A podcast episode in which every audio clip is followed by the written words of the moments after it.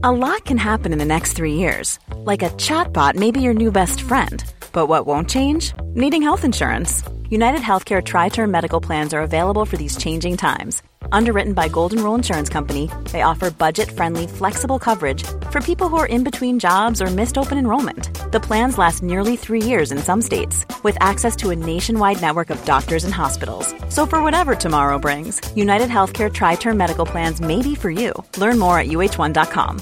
Ryan Reynolds here from Mint Mobile. With the price of just about everything going up during inflation, we thought we'd bring our prices down. So to help us, we brought in a reverse auctioneer, which is apparently a thing. Mint Mobile unlimited premium wireless. Ready to get 30, 30, bit to get 30, bit to get 20, 20, 20, bit to get 20, 20, bit to get 15, 15, 15, 15 just 15 bucks a month. So, Give it a try at mintmobile.com slash switch. $45 upfront for three months plus taxes and fees. Promo rate for new customers for limited time. Unlimited more than 40 gigabytes per month. Slows. Full terms at mintmobile.com. Millions of people have lost weight with personalized plans from Noom, like Evan, who can't stand salads and still lost 50 pounds. Salads, generally, for most people, are the easy button, right? For me, that wasn't an option. I never really was a salad guy. That's just not who I am. But Noom worked for me. Get your personalized plan today at Noom.com. Real Noom user compensated to provide their story. In four weeks, the typical Noom user can expect to lose one to two pounds per week. Individual results may vary.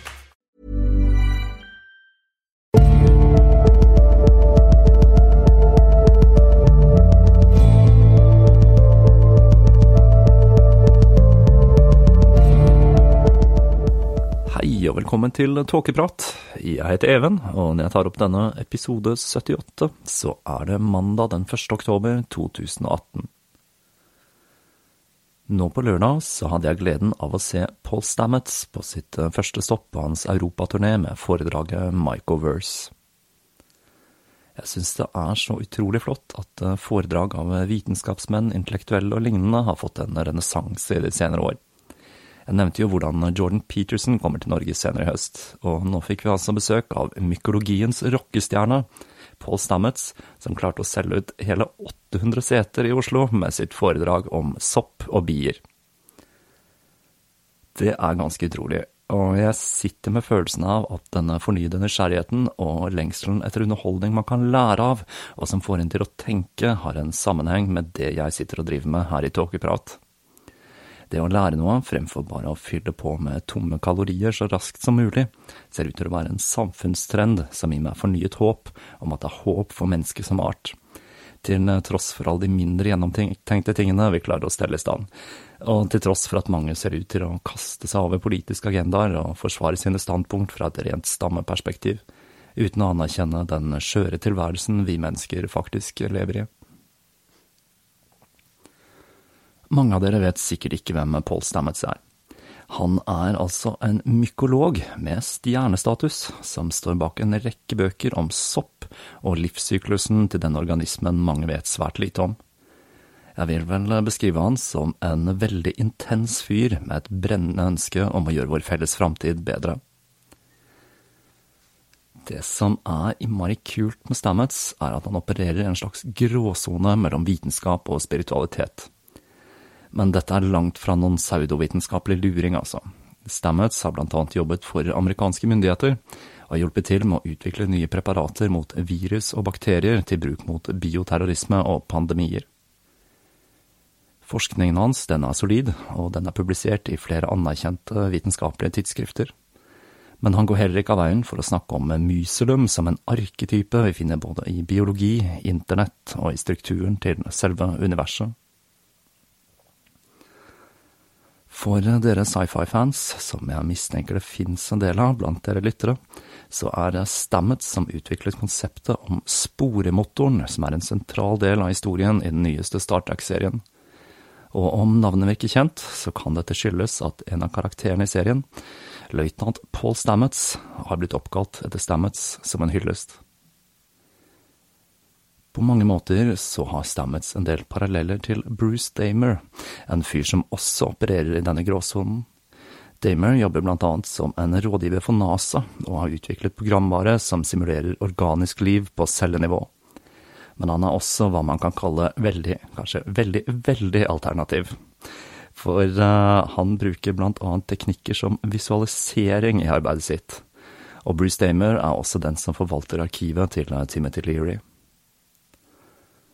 Et uh, høydepunkt fra foredraget det var når Stamets viste et bilde av seg selv da han startet på karrieren som mykolog, og han kommenterte det hele med 'Your suspicions has been confirmed'. For han hadde nemlig sklidd rett inn i klikken til Leary og Brian Barrett kan jeg vel skyte inn at også enkelte blant publikum så ut som om de hadde vært frosset i tid siden 1967. Hans ekstremt inngående kjennskap til sopp og hans nysgjerrighet og åpne sinn har åpnet muligheter for løsninger på en del utfordringer vi står overfor i dag. En av disse er bier og biedød. Uten å gjenfortelle hele historien, den kan dere høre han selv fortelle om dere er interessert, så har Stamets utviklet og testet et preparat basert på sopp som motvirker midd og virus i bier. Noe som er en av de største truslene mot biepopulasjonen globalt i dag. Så dette er en fyr det absolutt er verdt å sjekke ut. Jeg har selv lest en del av bøkene hans, men ikke den som ble anbefalt på foredraget, nemlig Mycelium Running fra 2004 som ser ut til å være et bra sted å starte for å få en litt dypere forståelse av sopp og den rollen soppen har i naturen.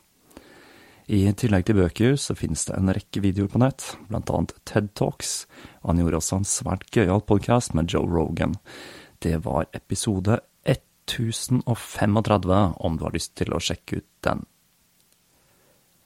Men nå skal vi over til en fyr som absolutt må kunne beskrives som alternativ, men uten vitenskapelig forankring, når vi starter med den siste epoken i livet til Gurdjieff.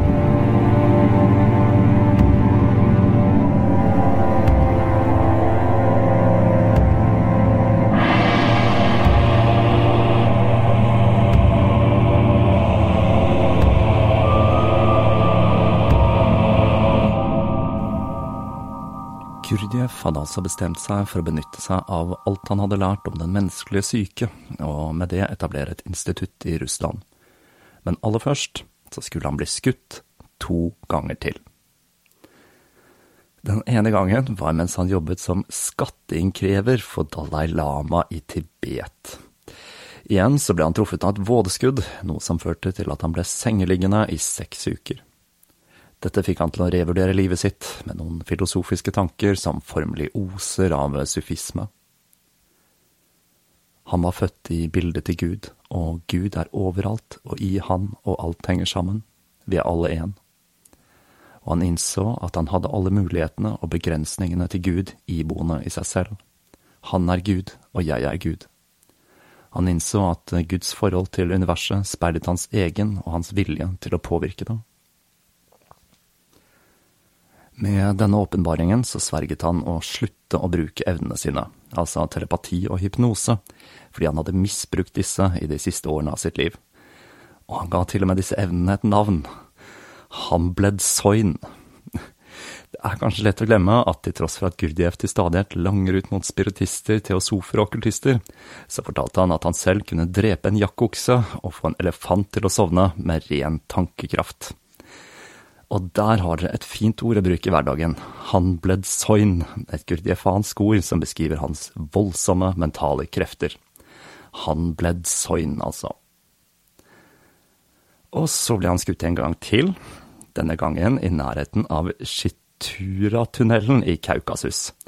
Denne gangen også av et vådeskudd, for ingen ville vel skyte direkte mot en mann som hadde så gode intensjoner som Gurdjieff. Kort fortalt så ble han fraktet med esel til en grotte i fjellet, hvor han fikk hjelp av en barberkirurg, før han startet på enda en serie med reiser. Men nå er tiden inne for å få bena ned på bakken igjen. Jeg føler vel at jeg har fanget essensen i Gurdjevs mange reiser i de to foregående episodene. Så nå hopper vi på Gurdjev-vis rett til Moskva. Gurdjev dro altså til Moskva i 1912 1912, sånn cirka. Det er litt usikkert om han ankom i 1912 eller 1913. Uansett så var det første han gjorde å reklamere for en ballett laget av en velkjent orientalist, vil si Gurdjieff selv, og navnet på balletten var Magikernes kamp. Han trykket følgende notis i en russisk avis. Egentlig hadde IGG planlagt å sette opp balletten selv, uten å spare på kostnadene. Men venner har overtalt han til ikke å gjøre dette, og anbefalt at Magikernes kamp blir satt opp av Bolsjoj, som alle vet at går igjennom en langvarig ballettkrise. Denne krisen i den russiske balletten Bolsjoj var en høyst reell affære, og Gurdjieff skulle ha vært svært velstående på denne tiden mye takket være sin nye forretningsvirksomhet i Russland. Men denne balletten, Magikernes kamp, den var bare på idéstadiet. Like etter denne notisen så publiserte han et essay, Glimt av sannheten, som handlet om en ukjent person kalt A, som hadde sett en annonse for en ballett i en russisk avis, og som hadde fått høre at han som hadde oppsetningen, var en som hadde tilbrakt årevis i det fjerne Østen, og som nå var en dansemester i Moskva. Denne A reiser gjennom snødrevene til en Dakka utenfor Moskva, hvor han møter Gurdjieff, som forklarer han om grunnleggende hermetiske prinsipper, fra smaragdtavlen til Hermes Trismegistus, til med det da velkjente begrepet som ovenfor, så nedenfor, til frimureri og Pythagoras. Og hvis du lurer på hva en dakka er, så er dette den russiske versjonen av den norske hytten. I fortellingen så forteller Gurdjieff at balletten inneholder hemmelige danser han har lært i Østen, og han forteller at dette dreier seg om tidløs, objektiv kunst. Gurdjieff hadde altså funnet sin greie, sin måte å destillere det oversanselige. Gud kunne manifesteres i dans. Han distribuerte dette essayet som et salgstriks til sine følgere, men hvem som egentlig var følgerne hans på denne tiden, det er litt uklart. Det ser ut til at det i stor grad dreide seg om folk som likte han. Den viktigste av følgerne hans i denne perioden, og som nok er den som har hatt størst betydning for videreutviklingen av læren hans, var Pjotr Demjanovic Ospenskij. Han møtte Gurdjieff i Moskva i 1915, og ble dypt imponert over denne underlige mannen. Gurdjieff var ulik alle han hadde møtt tidligere. Gurdjieff snakket ikke som andre esoterikere han hadde snakket med, eller vitenskapsmenn for den saks skyld. Det hørtes ut som han baserte seg på tidligere, ukjent kunnskap. Ospensky var selv ingen lettvekter. Han var en esoteriker og matematiker som allerede hadde gitt ut to bøker, Den fjerde dimensjonen og Tertium organum. Han hadde selv reist mye i Østen, spesielt i India, og foredragene hans hadde trukket til seg flere tusen publikummere. Men Gurdjieff representerte altså noe helt nytt for Ospensky. De to møttes i Moskva påsken 1915, etter Ospensky hadde blitt overtalt av en skulptør, som mest sannsynlig var fetteren til Gurdjieff, om å oppsøke denne grekeren fra Kaukasus som holdt på med okkulte eksperimenter. Ospenskis nysgjerrighet ble pirret, han var en skeptiker, men han var alltid på jakt etter det mirakuløse. Og nå kan vi endelig kose oss med andre kilder enn Gurdjieff selv. Ospensky beskrev nemlig dette første møtet med Gurdjieff. De to møttes på en shabby kafé. Mannen Ospensky møtte var middelaldrende, kledd i en svart bowlerhatt og frakk med fløyelskrage. Han hadde gjennomborende øyne og en diger bart. Han virket som en indisk raja eller en arabisk sjeik i forkledning.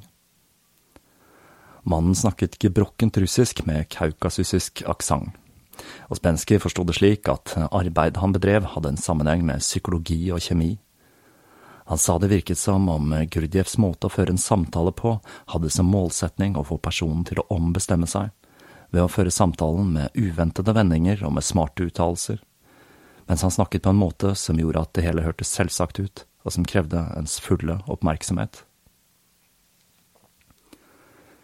De to tok en vogn til leiligheten til Gurdjieff, og på vei dit så klagde Gurdjieff over de høye kostnadene forbundet med leiligheten. Han skrøt også av alle artistene og professorene som hadde vist en interesse for arbeidet hans.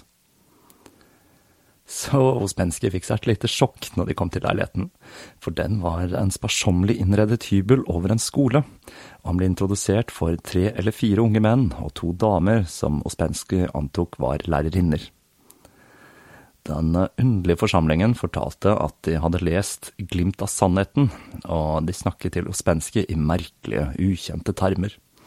En ting som gikk igjen, var dette med å arbeide med en selv.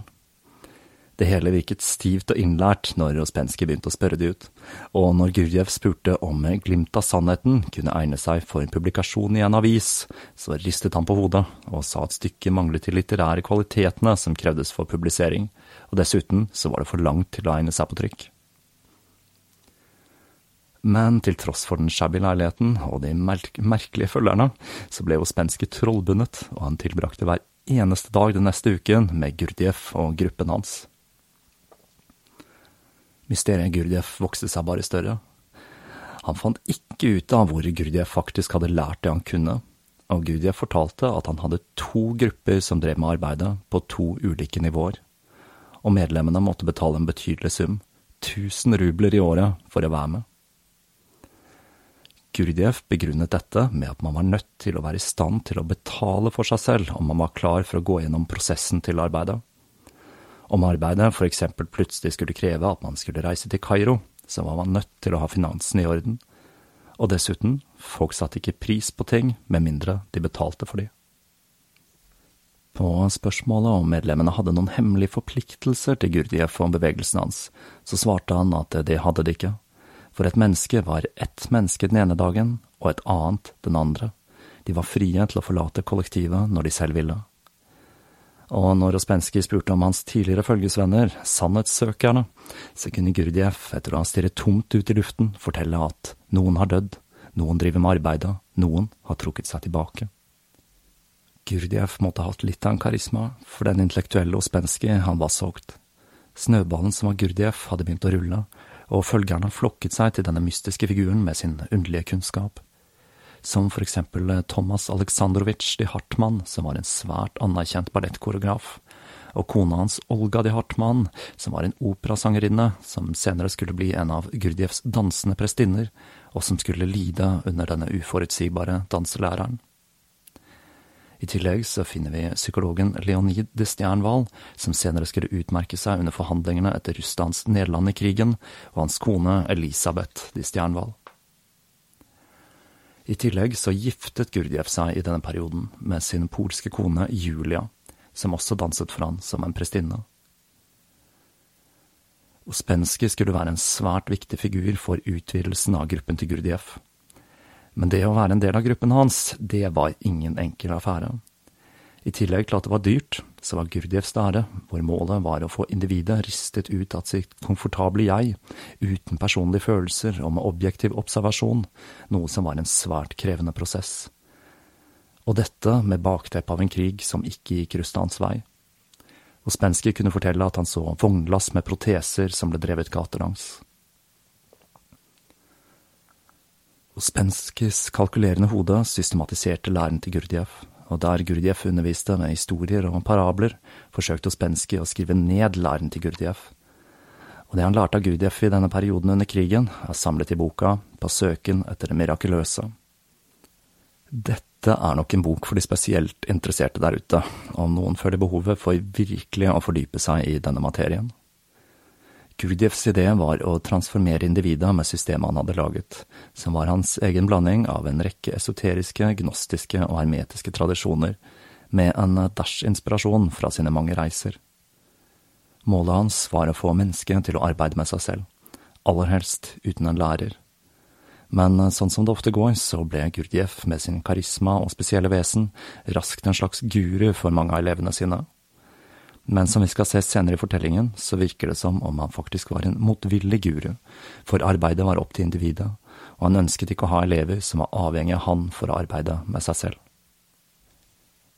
Når det gjelder Gurdjevs lære, så velger jeg å utelate en del av den fra denne serien, rett og slett fordi det neppe er det mest spennende å sitte og høre en podkast om, med mindre målet ditt er å faktisk praktisere læren hans. For de av dere som er interessert i å lære litt mer om Gurdjevs tankegods, så kan jeg anbefale Gurdjev A Beginner's Guide av Gil Friedman, som gir en grei, grunnleggende innføring i hvordan denne læren blir praktisert i dag. For det er helt klart verdifulle elementer det er verdt å ta med seg her, slik som det er i de aller fleste praksiser av denne typen. Selv sintologikirken, med hva som kanskje er verdens mest tvilsomme religion, inneholder elementer som faktisk har noe for seg. Men det er én ting her jeg tenkte kunne være verdt å nevne, nemlig enagrammet, symbolet Gurdjieff brukte.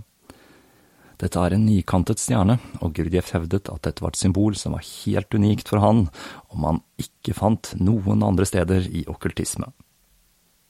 Men dette er selvsagt ikke sant, for selv om Gurdjieffs versjon med to markerte spisser ned er unik for Gurdjieff, så er den nikantede stjernen, i likhet med pentagrammet og heksagrammet, et symbol som dukker opp i ulike esoteriske tradisjoner. En som brukte en nikantet stjerne til å illustrere sitt verk Aritmologia fra 1665, var ingen ringere enn Athanasius Kircher, som vi husker fra episoden om Voynich-manuskriptet. For Gurdjieff så symboliserte enagrammet blant annet en kombinasjon av to av prinsippene hans, den syvdelte skapelsesvei og den tredelte loven. Symbolet ble senere brukt i Gurdjevs danseoppsetninger, hvor danserne ble posisjonert i forhold til et enormt enagram tegnet på gulvet. Denne figuren ble plukket opp av andre senere, og er i dag brukt av ymse selvhjelpsgrupper, hvor de ni takkene representerer ulike personlighetstrekk. Men dit skal vi ikke bevege oss i denne episoden. Gurdjev forlot følgerne av Moskva i februar 1917 og dro til Aleksandropol og i juni samme år så sendte han et telegram til Ospensky og ba han følge etter. I september så sendte han et brev til Elisabeth Stjernvall, hvor han ba hun og mannen gjøre kapitalen flytende og følge etter. Han møtte følgerne sine i en resort ved Svartehavet, og de dro til Stavropol Krai, 250 km nordvest for Tibilisi. Og Tibilisi, det var tidligere Tiflis, her bytter da byene navn raskt. Dette er jo nesten verre enn den norske kommunereformen. Ja ja, han etablerte en ny base og satte opp et skilt. Den internasjonale alliansen for ideologiske arbeidere. Utenfor kollektivet, som da huset flere familier. Hans egen familie dukket etter hvert også opp hans mor, hans bror Dimitri med kone og barn, og søsteren Anna, også med mann og barn. De hadde flyktet da tyrkiske tropper nærmet seg Aleksandropol. Men faren, han hadde nektet å forlate hjemmet sitt. Og i juli 1918 så dro søsteren Anna til faren, og fant ut at han var blitt skutt av tyrkiske tropper og hadde dødd måneden før de ankom Aleksandropol.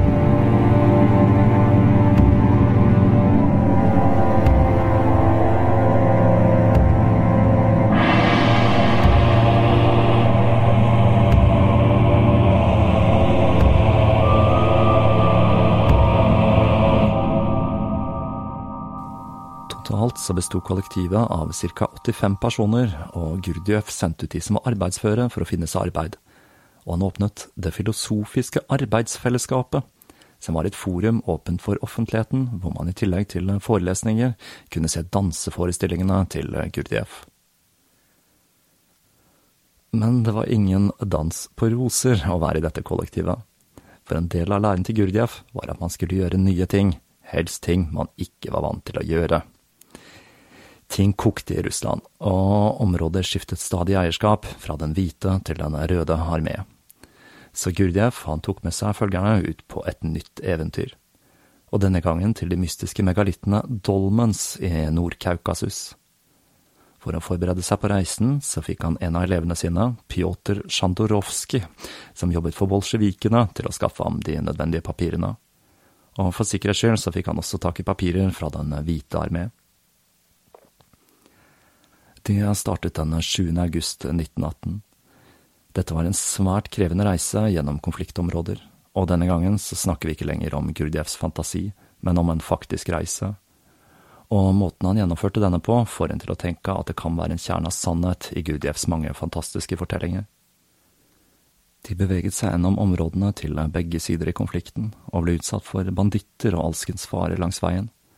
Men Gurdjieff, med sin sjarm og språkkunnskap, ledet følget trygt gjennom de mange krigssonene de måtte passere på den farefulle ferden, og de dro til Tbilisi, hvor Gurdjieff skulle etablere et institutt. Igjen så var han blakk, og han så seg nødt til å selge en av elevenes diamantringer for å få råd til mat til hele gruppen. Men igjen så glimtet han til med sine kremmerferdigheter, og startet opp igjen som teppehandler mens han leide lokaler til sitt nye institutt, som åpnet dørene høsten 1919. Ved dette instituttet tok han til seg en rekke nye medlemmer, som den tyske scenedesigneren Alexander de Salzmann og hans kone Jean Matignon Allemand, som var en danseinstruktør som ble svært fascinert av Gurdjevs dans samt Olga Ivanova Lasovic, en datter av en general fra Montenegro, og danserinnen Elisabeth Galimnian Shaverdian. De to siste hadde heldigvis kallenavn, henholdsvis Olgavina og Lilly. Som en del av arbeidet så sendte Gurdjieff Olga de Hartmann på et farlig oppdrag til Sentuki, hvor Gurdjieff hadde en verdifull porselenssamling han hadde hørt at Den hvite armé hadde ødelagt. Han ga henne en selvmordspille og sa at den kun måtte brukes i nødsfall. Men Olga, hun klarte brasene, hun, men porselenet, det var ødelagt, og alt hun hadde med seg tilbake, var to persiske tepper.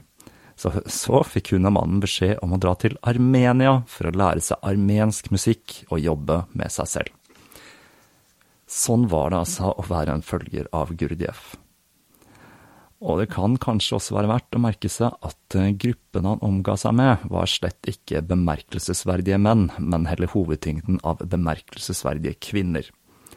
Og som vi skal se etter hvert, så hadde han også en rekke forhold med elevene sine. I januar 1920 fikk Gurdjieff grusomme nyheter. Tyrkerne hadde voldtatt og drept hans søster Anna, og drept mannen og barna og brent ned landsbyen deres. Den sommeren bestemte Gurdjev seg for igjen å legge ut på reisefot. Han tok med seg det meste av gruppen sin og satte kursen mot Konstantinopel, noe som er litt merkelig med tanke på hva som skjedde med søsteren og familien hennes. I Konstantinopel så leide han en leilighet i det europeiske distriktet Pera, og etter å ha tatt med seg Ospensky og Thomas de Hartmann for å se på dansen til dervisjene, så satte han igjen i gang med sine mange forretninger. Han kjøpte og solgte et parti med kaviar og et skip i tillegg til disse transaksjonene solgte han kurs i dans og musikk, i tillegg til å kurere sykdommer med hypnose. I Konstantinopel skulle Gurdjieff bli introdusert for en svært spennende figur. Den britiske etterretningsagenten John Godolphin Bennett. Han hadde blant annet vært kommunikasjonsoffiser i det osmanske krigsministeriet. Og når han møtte Gurdjieff, var han på spesialoppdrag i Konstantinopel. Han fikk en telefon i 1921 fra en venn. Prins Sabahadin, nevøen til sultan Abdulhamid 2. og en slektning av Mehmed 5. og Mehmed 6. Sabahadin var liberal. Han var mot separatisme, men var for reform og kjempet for rettighetene til armenere og grekere. Han hadde tette bånd med frimurerne i Tyrkia, og han hadde møtt Gurdjieff ved flere tidligere anledninger, sist i 1912. Tidligere hadde Sabahadin hatt besøk av Bennett i sitt palass i Konstantinopel, for de to hadde diskutert de underliggende felles spirituelle konseptene i islam og kristendom. Og ikke bare det, han hadde introdusert Bennett for Winfried Bermond, som senere skulle bli hans kone. Sabadin fortalte Bennett at han akkurat hadde fått besøk av en mann som ble sagt av muslimer å ha konvertert til islam, og av kristne og eh, ble sagt å tilhøre en mystisk nestoriansk sekt. Prinsen fortalte at han trodde han tilhørte en gruppe med okkultister og oppdagelsesreisende som hadde lagt ut på en rekke eventyr for å finne visse spirituelle sannheter. Han sa også at han trodde at denne mannen hadde blitt tatt opp i ymse hemmelige brorskap i Sentral-Asia.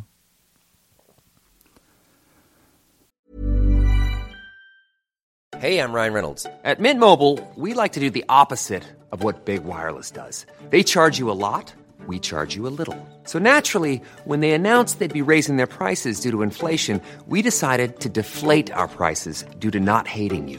That's right. We're cutting the price of Mint Unlimited from $30 a month to just $15 a month. Give it a try at mintmobile.com slash switch. $45 upfront for three months plus taxes and fees. Promo for new customers for limited time. Unlimited more than 40 gigabytes per month. Slows. Full terms at mintmobile.com. How would you like to look five years younger? In a clinical study, people that had volume added with Juvederm Voluma XC in the cheeks perceived themselves as looking five years younger at six months after treatment Look younger, feel like you. Add volume for lift and contour in the cheeks with Juvederm Voluma XC. Reverse signs of aging by adding volume to smooth laugh lines with Juvederm Volure XC. For important safety information and to find a licensed specialist, visit juvederm.com. That's J U V E D E R M.com. Not for people with severe allergic reactions, allergies to lidocaine, or the proteins used in Juvederm. Common side effects include injection site redness, swelling, pain, tenderness, firmness, lumps, bumps, bruising, discoloration, or itching. There's a risk of unintentional injection into a blood vessel, which can cause vision abnormalities, blindness, stroke, temporary scabs, or scarring. Talk to a licensed specialist to find out if it's right for you. Bennett ble trollbundet av Gurdjieff. Her var en mann som tilsynelatende dukket opp ingensteds fra, og som hadde en dyp innsikt i orientalsk filosofi, var språklærd, dog ikke i europeiske språk, og som i tillegg hadde en utstrakt kunnskap om moderne vitenskap. Han kunne til og med diskutere Einsteins rykende ferske relativitetsteori, og også Freuds psykologi. Så imponert ble Bennett at han skulle bruke ti år på å forsøke å forstå hvor Gurdjieff hadde fått inspirasjonen til læren sin fra. Han skulle senere starte sin egne Gurdjieff-grupper i England, noe som førte til en strid med Ospenske, som beskyldte Bennett for plagiat. Men for Gurdjieff så førte den økende politiske turbulensen i Tyrkia, hvor grekere og armenere stadig ble mer upopulære, til at han igjen bega seg ut på reisefot, og denne gangen til Vesten. I august 1921 satte han kursen mot Berlin, hvor han møtte Jean de Salzmann og reklamerte litt for sitt institutt og metoden sin. Under dette tysklandsoppholdet finner vi et eksempel på at Gurdjieff, til tross for sin skruppelløse handelsvirksomhet, ikke gjorde hva det skulle være for penger. En kvinne spurte Gurdjieff om han kunne hjelpe hennes handikappede sønn. Det svarte han at han kunne gjøre for 50 000 mark. Men da han fikk vite at denne kvinnen så på sønnen sin som en belastning og en byrde, så nektet han å hjelpe henne, rett og slett fordi han mente hun var en dårlig mor. Etter denne tiden i Berlin så dro han videre til London, hvor han møtte Ospensky, før han satte kursen mot landet og byen han nok er mest kjent for å praktisere i. Han satte kursen mot Paris. Herr og fru Salzmann tok imot sin læremester i verdensmetropolen. Og nå skulle Gurdjieff slå på stortromma. Han trengte lokaler, og Olga de Hartmann hadde funnet et chateau i Avaux i Fontablø skogen. som var så stort at det kunne huse opp mot 100 elever men prisen var stiv, 700 000 frank, og Gurdjieff var igjen blakk, så han fikk leie lokalet i et år for 65 000 frank med opsjon for å kjøpe. Dette skulle markere begynnelsen på en gjeldsspiral som til slutt skulle ta knekken på Gurdjieff. Tidligere hadde han skrutt av å være helt selvhjulpen, og aldri hatt noen gjeld, men nå var dette i ferd med å endre seg. En annen spennende figur oppsøkte Gurdjieff når han ankom Paris. Redaktøren i magasinet New Age, A.R. Orage. Han var en engelsk teosof som hadde hørt Gurdjieff forelese i London, og nå valgte han å følge Gurdjieff sin lære. Han solgte magasinet, med andre ord, han gjorde kapitalen flytende, før han fortalte vennene sine at han dro for å finne Gud. Gurdjieff var ikke en som lå på latsiden. Arbeid var tross alt en av grunnpilarene i læren hans, og han gjorde alt han kunne for å nedbetale gjelden. I tillegg til å spekulere i aksjer og tilby sine tjenester som hypnotisør, så åpnet han to restauranter i Montramart som han solgte med profitt straks de var selvdrevne. Men det hektiske livet, hvor eh, det var lite tid til søvn, tok på. Gurdjieff var utbrent. En natt så sovnet han bak rattet, og han kommenterte dette med at han aldri hadde sovnet mot sin egen vilje tidligere. Og med det så bestemte han seg for å dra til et nytt kontinent han bestemte seg for å dra til Amerika. Men for elevene hans så virket livet stille og fredelig, i hvert fall så stille og fredelig som det kunne være i instituttet hans. Selv om ryktet om denne underlige gruppen i dypet av Fontableu-skogen begynte å spre seg i pressen. Det ble sagt at han var en slags hypnotisør som fikk elevene sine til å gjøre merkelige ting. En amerikansk kvinne uttalte at han kun var en armensk teppeselger som omga seg med sexhungrige eldre kvinner og menneskelige avskum. Det er jo en ganske herlig beskrivelse, da, syns jeg. En armensk teppeselger som omga seg med sexhungrige eldre kvinner. En fin setning. Og rare ting, det drev han med. I tillegg til å koreografere dans, hvor et av glansnummerne var at han kunne få alle danserne til å fryse i den posisjonen de var i ved å gi et tegn, den såkalte stoppmanøveren, så trente han elevene sine til å bruke tall istedenfor ord, og han lærte de opp i blant annet morse. Dette gjorde at danserne kunne kommunisere på tilsynelatende overnaturlig vis, noe som gjorde danseforestillingene enda mer imponerende men til tross for iherdig innsats og mye arbeid, så ble lommeboken hans stadig tynnere. For å bøte på dette, så bestemte han seg for å låne enda mer penger og sette opp en forestilling på teatret de Champs-Élysées. Dette kostet 300 000 frank, men Gurdjieff han satset på at høyere makter ville gripe inn og redde han økonomisk. I desember så ble to oppsetninger av stykket spilt, med et orkester med 35 musikere og Jeanne Salzmann, som var gravid i niende måned, som prima ballerina. Oppsetningen fikk litt blandede kritikker, men vakte stor interesse. Den underlige dansen og den imponerende stoppøvelsen var imponerende. Og Gurdjieff selv, han hevdet at det hele stammet fra hemmelige tradisjoner fra det fjerne Østen, noe som la til et ekstra element av mystikk over det hele. Orage skulle overta rollen til Ospenski i bevegelsen, da Ospenski mot slutten av 1923 brøyt med Gurdjieff og gruppen. Han uttalte at han ikke lenger forsto hva Gurdjieff drev med. Han var en mann av vitenskap og rasjonalitet, og det var nok Gurdjieffs stadig mer obskure og uklare svar som til slutt ble litt i meste laget for Ospenski.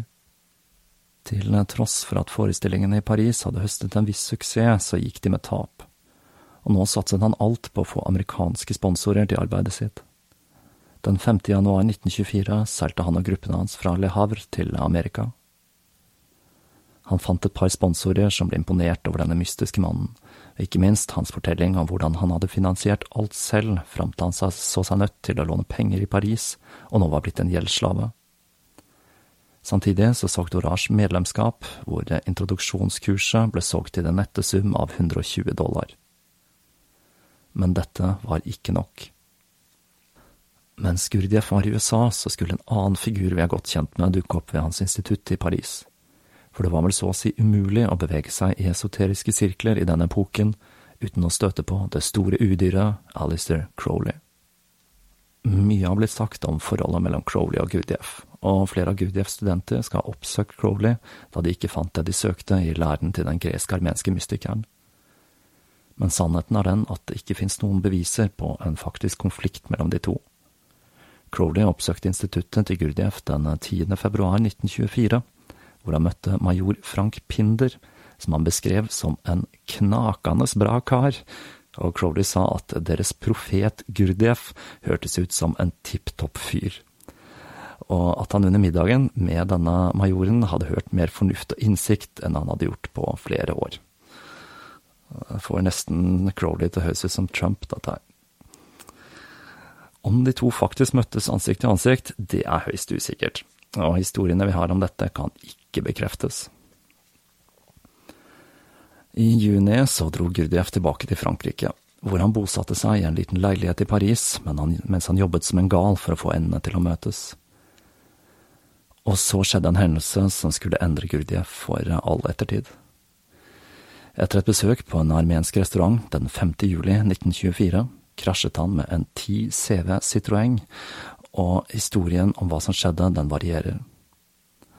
Han hadde nok drukket litt i overkant på restauranten, men det var langt fra uvanlig for Gudjev. Noen sier han havnet i koma, andre sier at han kunne gå etter kun få dager. Men én ting er sikkert, noe var endret med Gurdjieff. Den massive hodeskaden han hadde pådratt seg, gjorde at det skulle gå svært lang tid før han ble seg selv igjen og enkelte sier at han aldri ville helt bli den samme etter denne hendelsen. Gurdjieff fikk eh, tent flere store bål rundt instituttet, og han halte seg opp i en stol hvorfra han så på de dansende flammene. Han kunne ikke lenger løpe eller danse, kroppen var ødelagt, men han kunne skrive, og i lyset fra flammene bestemte han seg for å starte på boka som skulle bli Belsebubs fortellinger til sitt barnebarn. I august samlet han elevene sine og fortalte at eh, tiden var inne for å stenge instituttet, og at alle, bortsett fra noen få utvalgte, måtte forlate området innen to dager. En av de som ikke var blant de utvalgte, var Lilly Galumnian, som tryglet om å få være igjen, men Gudjef var urokkelig, og Lilly så seg nødt til å ta seg en jobb som toalettassistent for å få råd til å dra hjem. Jeg antar at en toalettassistent er en type håndkleholder, eller en som tar imot betaling på offentlige toaletter. Et skikkelig Gurdjieff-arbeid, med andre ord. Gurdjieff både dikterte og skrev Belsebubs fortellinger til sitt barnebarn på russisk og armensk, og teksten ble oversatt av studentene. Dette førte til at den første utgaven ble hva Orange beskrev som upubliserbar, og han hadde ikke hjerte til å fortelle at dette også gjaldt den andre revisjonen av boka, fordi han innså at for Gurdjieff så var skrivingen terapi som hjalp han ut av den skyggedalen han var i. Og så var det kvinnehistoriene for i løpet av de neste årene skulle han få en rekke barn med studentene sine, selv om ektemennene til flere av disse var en del av gruppen. Den første utenomekteskapelige affæren vi vet om som førte til barn, var med Elisabetha Stjernvall, som han fødte han en sønn i 1919. Så fulgte en sønn med Jeanne de Salzmann, så en datter født av Jasmine Howard, og en sønn født av Lilly Galumnian i 1927. Og Eddie Taylor fødte han en datter i 1928. Kona til Orange, Jesse, klagde på Gurdjevs stadige forsøk på å få henne til sengs til mannen sin, hvorpå Orange svarte at han var ikke et ordinært menneske, med andre ord, ordinære etiske retningslinjer gjaldt ikke for Gurdjieff. Nå har vi altså hele oppskriften her, folkens. Makt, sex og penger. Treenigheten som er et ganske så sikkert kjennetegn på en kult. Men i motsetningen til, eh, hva skal vi si, ordinære kulter, så støtte Gurdjieff tilhengerne sine fra seg. Målet var hjelp til selvhjelp, og ikke at de skulle følge han livet ut. Dette førte naturlig nok til en del konflikter, og også til at gruppen stadig skiftet dynamikk. I 1927 så fikk han enda et hardt slag da hans mor døde av kreft. Og i 1928 fullførte Orasj og Gurdjieff revisjonene av Belsebub og møter med bemerkelsesverdige menn. Med børskrasjet i 1929 så ble det vanskelig å tiltrekke seg nye medlemmer i USA, og dette førte til at han støtte ut Orasj, som dro tilbake til England, hvor han døde i 1934, etter å ha uttalt at Gurdjieff ikke hadde mer å lære han.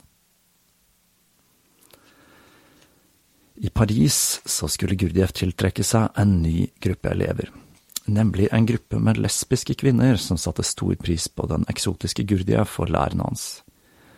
Gurdjieff fortalte de at for å beskrive sykens tinder, så måtte de klatre i samme tau, og det gjorde at han døpte denne gruppen til Tauet. Dette er ganske spennende, for aksepten for lesbiske, homofile og alternativ seksualitet var noe som hadde sine røtter i den okkulte renessansen som fant sted i Paris på 1880- og 90-tallet, hvor androgynitet var et svært populært emne. Et eksempel på dette, som sikkert mange av dere kjenner til, er Elipas Levis Baphomet, som riktignok kom noe før denne okkulte renessansen, men som var en viktig inspirasjonskilde for bevegelsen som oppsto i Paris. Denne figuren har ofte blitt brukt som et symbol på djevelen, men det er den absolutt ikke. Dette dreier seg om en kimera, en kompositt av menneske og dyr. På geitehodet, som symboliserer pan og fruktbarhet i naturen, så brenner en flamme som symboliserer intelligens og den universelle, magiske balansen. I pannen til Pan finner vi pentagrammet med spissen opp som et symbol på lys og vilje. Den ene hånden peker opp mot den hvite månen Shesed, som symboliserer nåde, og den andre peker ned mot den svarte månen Gebura, som symboliserer rettferdighet. Den ene armen er kvinnelig og den andre mannlig, og på de er det skrevet solve, som betyr separasjon, og coagula, som betyr oppløsning, som er to prinsipper i alkemisk transformasjon. På brystet finner vi både kvinnelige bryster og mannlig hår, og istedenfor kjønnsorgan så har figuren en caduceus, eller merkurstav, som symboliserer harmoni mellom det kvinnelige og det mannlige. Levis bafomet er rett og slett et symbol for harmoni, et slags okkult yin og yang-symbol og det er ikke så rart at eh, denne figuren appellerte til de mange ulike bevegelsene som skulle dukke opp i Paris, og som hadde da androgyne som et ideal. En historie om denne gruppen Taue illustrerer Gurdjevs metode for å riste en våken ved hjelp av sjokk. Han tok med seg en elev, Katrin Hulme, til hva som ble omtalt som en privat klubb med dansende, nakne kvinner. Og han fortalte henne at hun måtte velge seg en. Om ikke, så måtte hun danse slik at Gurdjieff kunne velge henne. Litt uh, tvilsom den der, men Katrin hevdet at dette gjorde at hun ble rørt på en måte hun aldri hadde blitt før.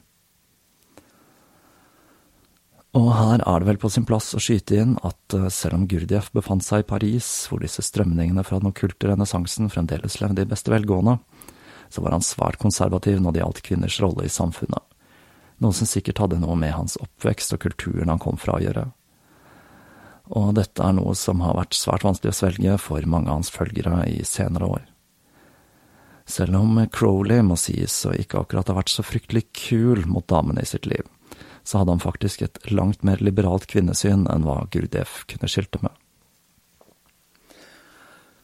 Ok, Gurdjieff fortsatte altså å drive sin lille gruppe med en stadig skiftende medlemsbase, og så brøt krigen ut. Den 14. juni 1940 marsjerte tyske tropper inn i Paris. Men på skikkelig Gurdjieff-vis så utnyttet han situasjonen til å bygge seg opp med en lukrativ business på svartebørsen, og han ble kjent for å være svært sjenerøs med fattige og barn. Og han brukte de pengene han tjente på å kjøpe kunst fra fattige lokale kunstnere, noe som førte til at den lille leiligheten hans ble fylt opp av malerier.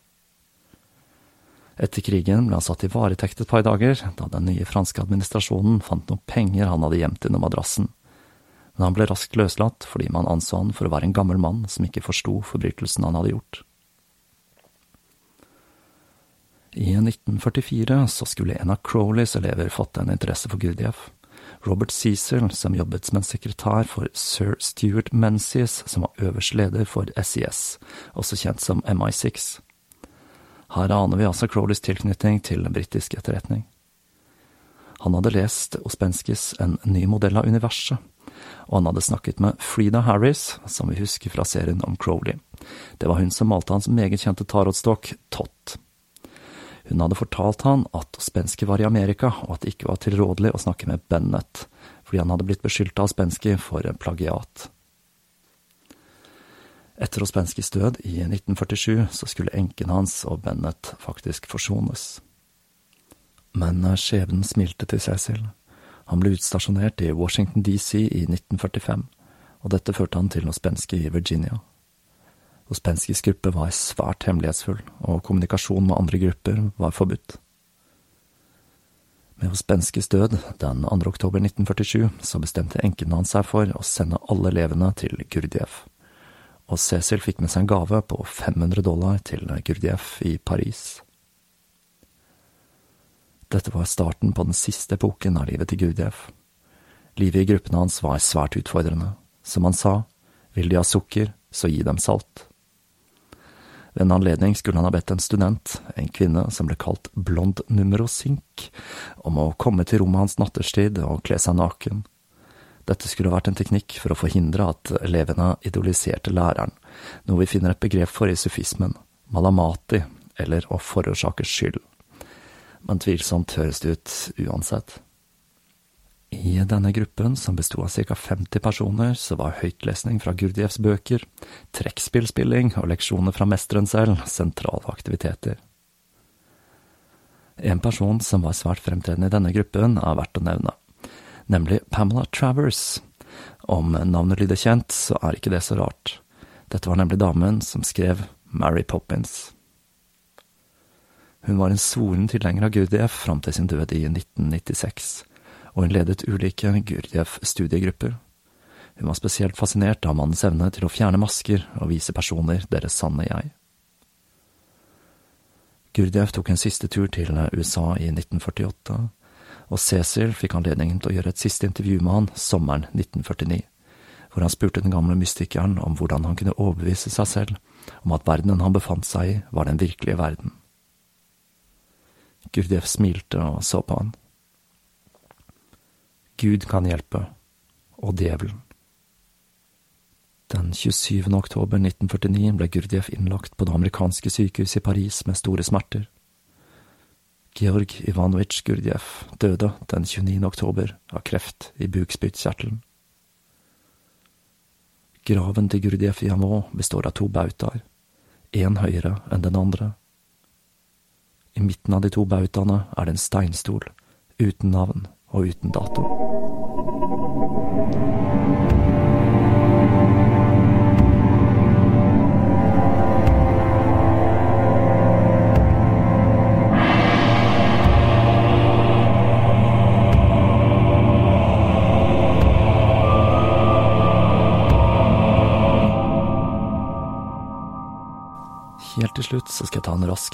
På sufismen. Dette blir kun en rask kikk på elementene som er relatert til Gurdjieff og hans lære, for sufismen er et tema jeg godt kan tenke meg å ta for meg med detalj ved en senere anledning.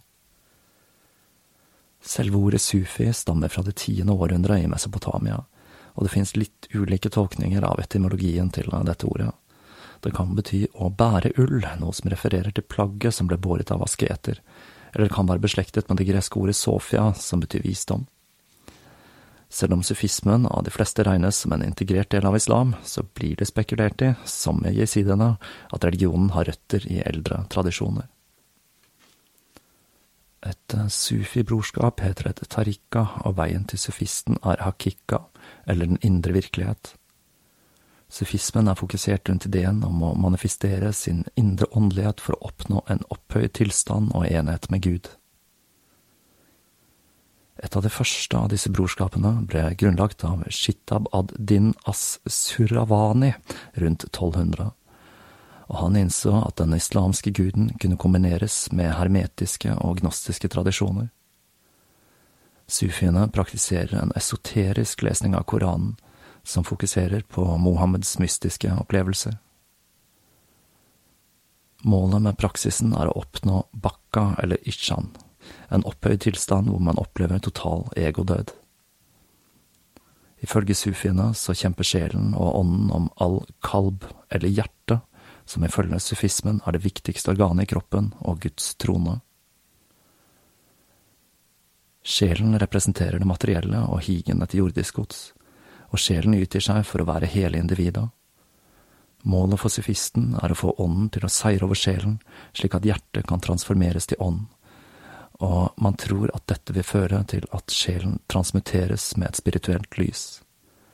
Dette gjøres via en gradvis prosess, hvor hjertet viser sin ekte form, og mennesket får åpenbart det guddommelige mysteriet. Sufismen betrakter menneskets tilstand som, et, eh, som en som er tilslørt av ego og besatt av eiesyke. Mennesket er altså i en slags drømmestadie, eller gafla, et stadie av amnesi. Og her ser vi jo ganske tydelig hvor Gurdjieff fikk inspirasjon til ideen om at mennesket sover. For å vekke mennesket fra gafla bruker sufiene diker. Dette begrepet betyr noe i retning av bevissthet, eller å huske på. Det fins flere ulike former for diker, som for eksempel å chante Allah, og den kanskje mest kjente formen for diker er dansen til dervishene. Denne dansen er ment å utslette egoet ved å overgi seg selv til Gud, og med det vekke ånden i hjertet. Og det er nok denne ideen som fikk Urdiev til å bruke dans som et sentralt verktøy ved instituttene sine, for å vekke mennesket og riste ut det egentlige jeg. Så der har dere den. Selv om jeg ikke akkurat er noen superfan av damer i birøkte kostymer, så har islam også spennende elementer. Det er ikke bare bokhandleren i Kabul som definerer denne religionen. Og det kan kanskje være verdt å huske på dette i en verden hver religion er en kilde til utrolig mye konflikt og lidelse. Det finnes gullkorn i de aller fleste religiøse retninger, også islam.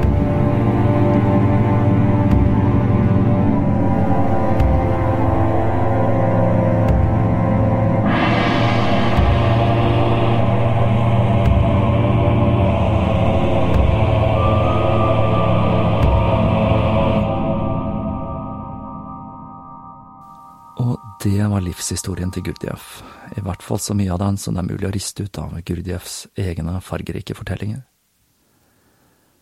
Jeg vet ikke hva dere som hører på tenker om denne mannen, men jeg for min del har et veldig delt syn på han.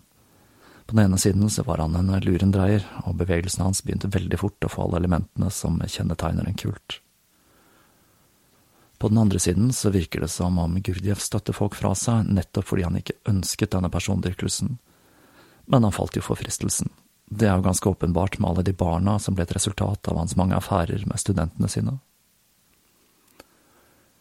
Gurdjieff er på mange måter en litt glemt figur. Crowley har jo festet seg i den populærkulturelle bevisstheten, mens Gurdjieff er langt mer obskur. Kanskje mye på grunn av han selv og den utrolig sære læren hans men i bunnen av det hele så finner vi en dyp idé. Vi sover, og det er på tide å våkne opp. Spørsmålet er om Gurdjieff var den rette til å vekke oss. Ideen om at ekstreme situasjoner kan være med å løfte oss opp på et høyere stadie og bli til bedre versjoner av oss selv, er en høyst reell en. Ingenting er så effektivt til å riste en våken og få en til å bli sitt beste jeg som ekstreme hendelser. Her i Norge føler jeg at dette var noe vi opplevde i kjølvannet av 22. juli, og dette er noe som blir bekreftet av andre ekstreme hendelser, enten det dreier seg om naturkatastrofer eller terror. Man glemmer rett og slett små, ubetydelige konflikter og problemer når man står overfor massiv menneskelig lidelse. Så kanskje Gurdjieff brakte oss en liten bit med faktisk visdom. Mennesket kan vekkes til sitt bedre jeg. Innflytelsen fra jesidiene og sufismen er også en jeg syns er svært spennende og den gjør at læren til Gurdjieff har en helt egen dimensjon og ved første øyekast virker svært unik. Dessverre så er inntrykket mitt at de gruppene som praktiserer Gurdjieff sin lære i dag, ofte er kultaktige, og at læren til Gurdjieff har veldig lett for å bli misbrukt av folk på jakt etter sex, makt og penger, og de er det plenty av der ute. Dette har vært en forholdsvis krevende serie å sette sammen, og nå føler jeg tiden er inne for å gjøre et par litt mer lettbeinte episoder. Det vil si, jeg skal se om jeg ikke klarer å hoste opp et par episoder som kan egne seg for årstiden vi går inn i. For når jeg tar opp denne episoden, så er det altså den første oktober, og vi beveger oss mot den mørke årstiden og mot halloween. Og jeg føler vel at det kanskje er den beste årstiden for tåkeprat. Så vi får se hva jeg klarer å finne på. Så mens jeg tøyer ut etter å ha kjempet med Gurdjieff i tre episoder, så vil jeg rette en takk til alle dere som har kommet med tips og hyggelige tilbakemeldinger alle patrions, de som har donert via nettsiden, og ikke minst så vil jeg takke for tilsendte gaver, dere vet selv hvem dere er. Linker, info osv., det finner dere på tåkeprat.com. Og husk, menneskeheten sover, det er på tide å våkne opp.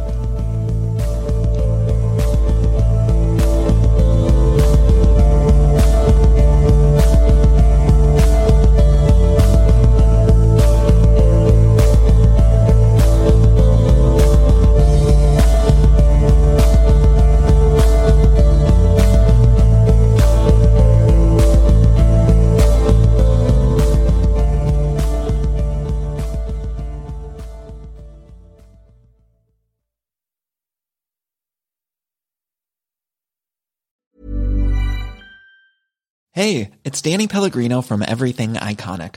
Ready to upgrade your style game without blowing your budget? Check out Quince. They've got all the good stuff, shirts and polos, activewear and fine leather goods, all at 50 to 80% less than other high-end brands. And the best part? They're all about safe, ethical and responsible manufacturing. Get that luxury vibe without the luxury price tag. Hit up quince.com slash upgrade for free shipping and 365 day returns on your next order. That's quince.com slash upgrade. Planning for your next trip? Elevate your travel style with Quince. Quince has all the jet setting essentials you'll want for your next getaway, like European linen, premium luggage options, buttery soft Italian leather bags, and so much more. And is all priced at 50 to 80% less than similar brands. Plus, Quince only works with factories that use safe and ethical manufacturing practices. Pack your bags with high-quality essentials you'll be wearing for vacations to come with Quince. Go to quince.com/pack for free shipping and 365-day returns.